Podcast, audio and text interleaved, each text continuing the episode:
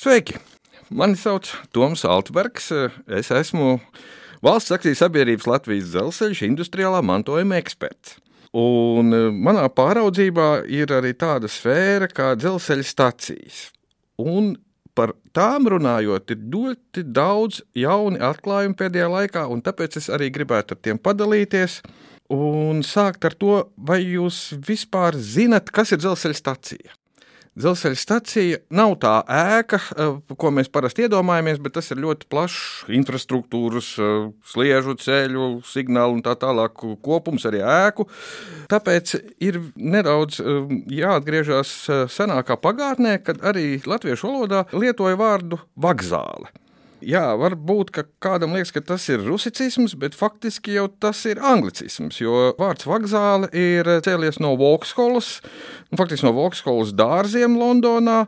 Tādas skaistas izpriecas vietas eh, pirms daudziem gadsimtiem un pārtransformēts par stacijas eh, ēkas nosaukumu, protams, jā, Cariskajā Krievijā.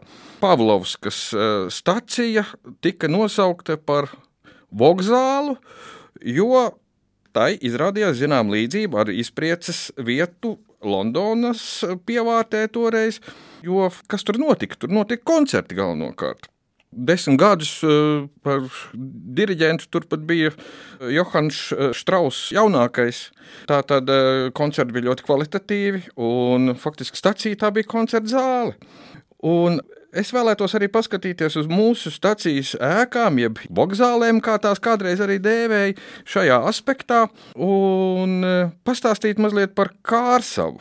Man liekas, ka Mūsdienās Kārsava nav pati zināmākā vieta, kaut gan ļoti skaista pilsēta, un tur ir daudz ko interesantu redzēt, bet Kārsavas stacija jau neatrodas Kārsavā, tā atrodas Bozavā. 4 km no Kārsavas. Varētu domāt, nu kas tur par staciju un kāda tam visam saistība ar vokzāli, ar, ar izpriedzes dārziem. Nu, saistība jau varbūt ļoti liela nav, ja nu vienīgais apjoms, jo stacijas ēka ir vairāk kā 1000 km2 plaša celtne. Un, nu, mazliet dīvaini, jā, ka viņi tur tiešām atrodas tādā nekurienē. Bet, ja mēs paskatāmies senākā pagātnē, Kārsava izrādās bija ārkārtīgi nozīmīga dzelzceļa stacija, vienā no pirmajām cariskās Krievijas un faktiski arī nozīmīgākajām dzelzceļa līnijām Sanktpēterburga Varšava. Kāpēc nozīmīgi? Tāpēc, ka tur faktiski nu, tika veikts lielākā daļa visu nepieciešamo tehnisko operāciju, arī vagonu remonts, lokomotīvu un tā tālāk. Un vienu brīdi pat tur strādājuši aptuveni 5000 dzelzceļnieku.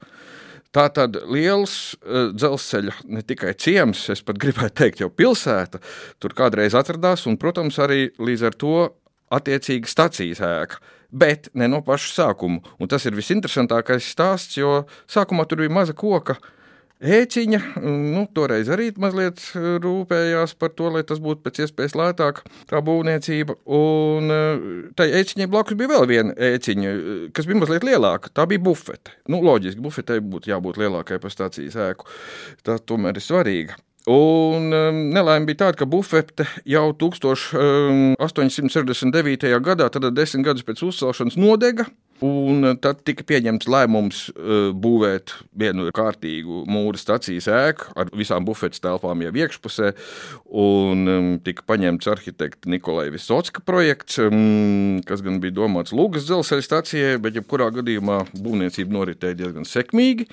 Un 1874. gadā ēka tika uzbūvēta, un to, kā labi uzbūvētu, toreiz raksturoja arī Lūznavas mūžas kādreizējais īpašnieks Staņislavs Kērbedzis, kurš bija uh, šī dzelzceļa padomas loceklis. Bet Kārsava ne tikai ar savu stācijas ēku ir slavena un interesanta, uz turieni ir vērts aizbraukt, jo lielākā daļa no kādreiz uzbūvētām divām konduktoru un lokomotīvu brigāžu atpūtas mājām, četrām sargu būdām, divām dubultām kazarmām, 12 dzīvojamām ēkām, kā arī 32 šķūnīšiem, 24 pagrabiem un 3 veļas mazgātavām, joprojām ir saglabājušās Kārsavas dzelzceļa stacijas teritorijā.